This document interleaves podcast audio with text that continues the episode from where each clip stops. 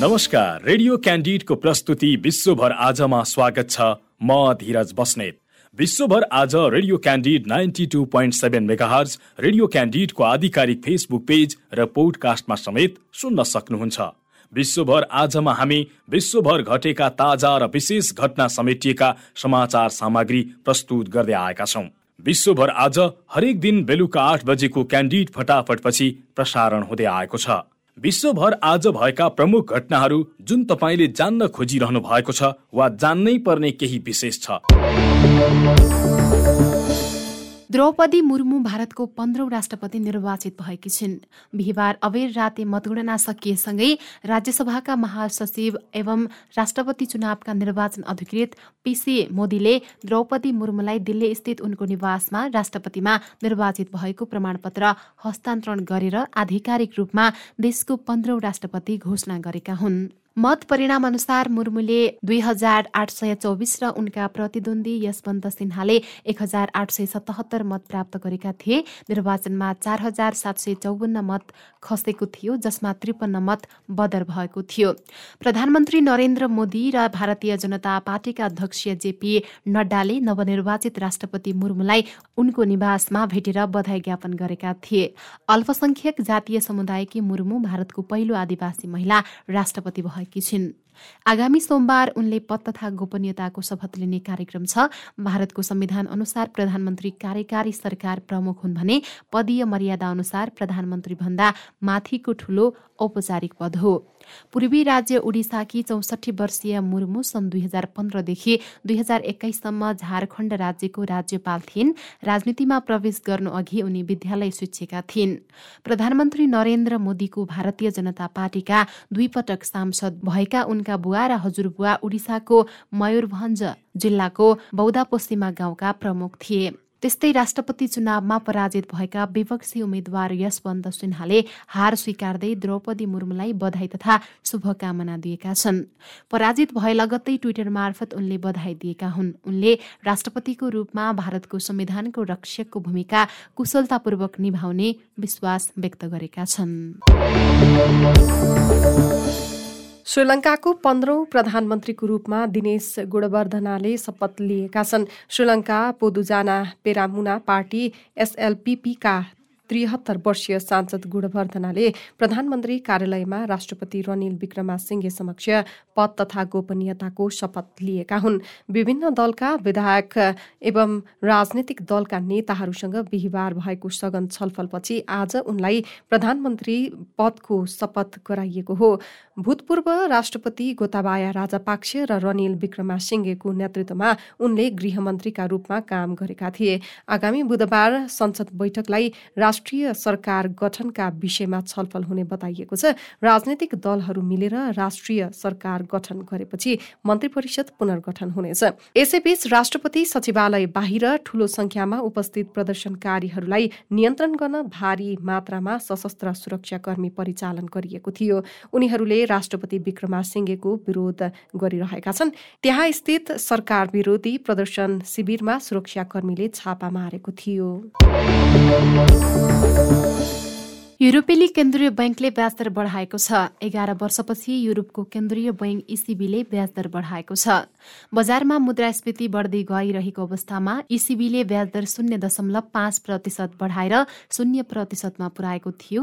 यसअघि सन् दुई हजार चौध यता इसिबीले ब्याजदर ऋणात्मक शून्य दशमलव पाँच प्रतिशत कायम गरेको थियो।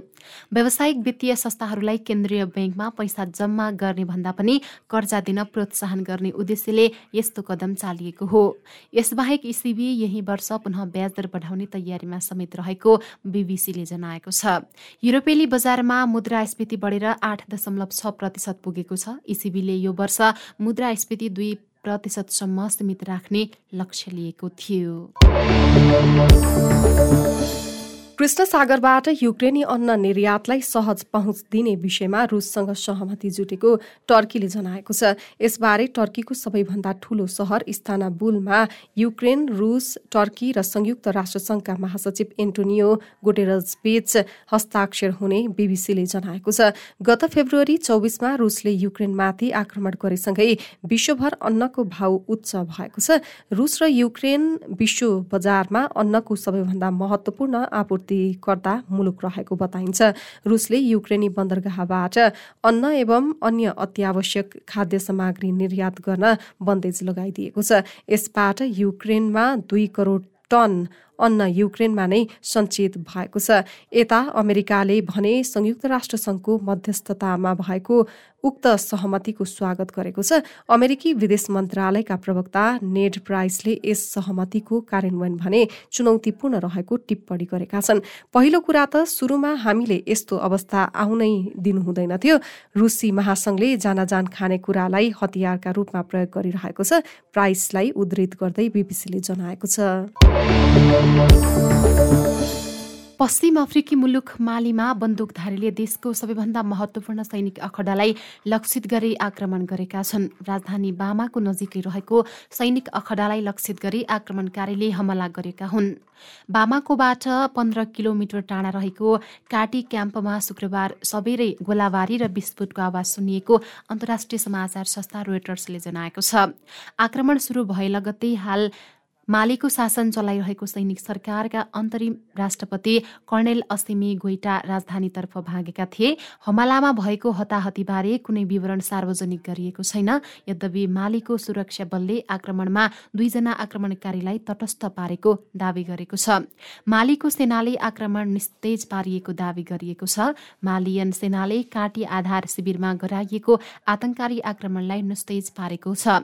बिहान सबैरे पाँच बजे दुई कार बम विस्फोट भएका थिए। मालीको सुरक्षा बलले सामाजिक सञ्जालमा ट्विटर मार्फत जानकारी दिएको छ।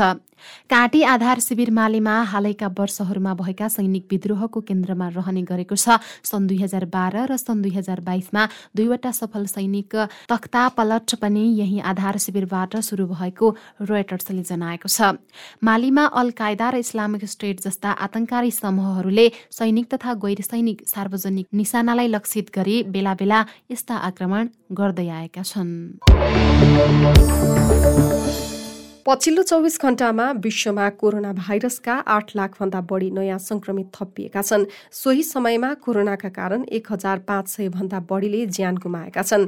वर्ल्ड मिटर्सको तथ्याङ्क अनुसार पछिल्लो चौबिस घण्टामा विश्वमा आठ लाख अठार हजार चार सय चौसठीजना कोरोना संक्रमित थपिएका छन्। सो अवधिमा सबैभन्दा बढी जापानमा एक लाख पैँतिस हजार दुई सय उन्चालिस जना संक्रमित थपिएका छन्। यसैबीच जापानले कोभिड नाइन्टिनको सातौं लहरले देशव्यापी प्रभाव पारेको जनाएको छ। कोभिड नाइन्टिनबाट संक्रमितको दर उच्च बन्दै गएपछि जापानको यो भनाइ आएको हो। पछिल्लो चौबिस घण्टामा जापानमा एक लाख छयासी हजार दुई सय छयालिस थप व्यक्तिमा कोरोना संक्रमण भएको जापानको स्वास्थ्य मन्त्रालयले जनाएको छ। राजधानी टोकियोमा संक्रमणहरू अहिलेसम्मकै सबैभन्दा बढी देखिएको छ। पछिल्लो चौबिस घण्टामा राष्ट्रव्यापी संक्रमितको संख्या यसअघि रिपोर्ट गरिएका एक लाख बाहन्न हजार पाँच सय छत्तिस भन्दा करिब बीस हजारले बढी अर्थात् एक लाख छयासी हजार दुई सय छयालिस रहेको छ। ओसाका र फुकुओका प्रिफ्रेक्चरहरूले पनि बिहिबार नयाँ दैनिक संक्रमितको उच्च रेकर्ड रहेको जनाएको छ। यो भाइरसको अत्याधिक सर्न सक्ने क्षमता रहेको मानिएको बिएफ फाइभ ओमिक्रोन उपप्रजातिले संक्रमण दरलाई उच्च बनाएको छ। सरकारी अधिकारीले राजधानीका बासिन्दाहरूलाई बुस्टर मात्रा प्राप्त गर्न र अन्य एन्टिभाइरल उपायहरू अप्नाउन आग्रह गरेका छन्। मन्त्री परिषदका मुख्य सचिव तथा प्रवक्ता हिरो काजु मात्सुनोले भने चिकित्सा प्रणालीमा अधिकतम सावधानीपूर्वक प्रभाव हेर्नु आवश्यक छ। तथापि नियमित गतिविधिमा लगाइने प्रतिबन्धले अर्थतन्त्रलाई प्रभाव पार्ने हुँदा अहिलेको अवस्थामा नियन्त्रणका लागि कुनै प्रतिबन्ध लगाउने सम्भावना छैन। त्यस्तै छिमेकी राष्ट्र भारतमा एकै दिन सत्र भन्दा बढी कोरोना भाइरसका नयाँ संक्रमित थपिएका छन्। पछिल्ला दिनहरूमा भारतमा कोरोना भाइरसको संक्रमण बढ्दै गएको छ। वर्ल्ड मिटर्सको तथ्याङ्क अनुसार पछिल्लो चौबिस घण्टामा भारतमा सत्र हजार पचासजना कोरोना भाइरसका नयाँ संक्रमित थपिएका हुन्। भारतमा हालसम्म चार करोड अडतिस लाख बयालिस हजार दुई सय पैँतिसजनामा कोरोना संक्रमण पुष्टि भइसकेको छ। संक्रमित मध्ये हालसम्म पाँच लाख पच्चिस हजार आठ सय सत्तरी जनाको मृत्यु भइसकेको छ। यता अमेरिकी राष्ट्रपति जो बाइडेनलाई पनि कोरोना संक्रमण भएको छ। उनलाई संक्रमण भएको पुष्टि व्हाइट हाउसकी प्रवक्ता करिन जिन पियरेले गरेकी हुन्। कोरोना संक्रमण भएपछि राष्ट्रपति बाइडेन आइसोलेसनमा बसेर काम गरिरहेको व्हाइट हाउसले जनाएको छ। उनले एन्टिभाइरल औषधि पनि लिइरहेको बताइएको छ। अमेरिकी राष्ट्रपति जो बाइडेनकी पत्नी जिल बाइडनको कोरोना परीक्षण रिपोर्ट भने नेगेटिभ आएको छ।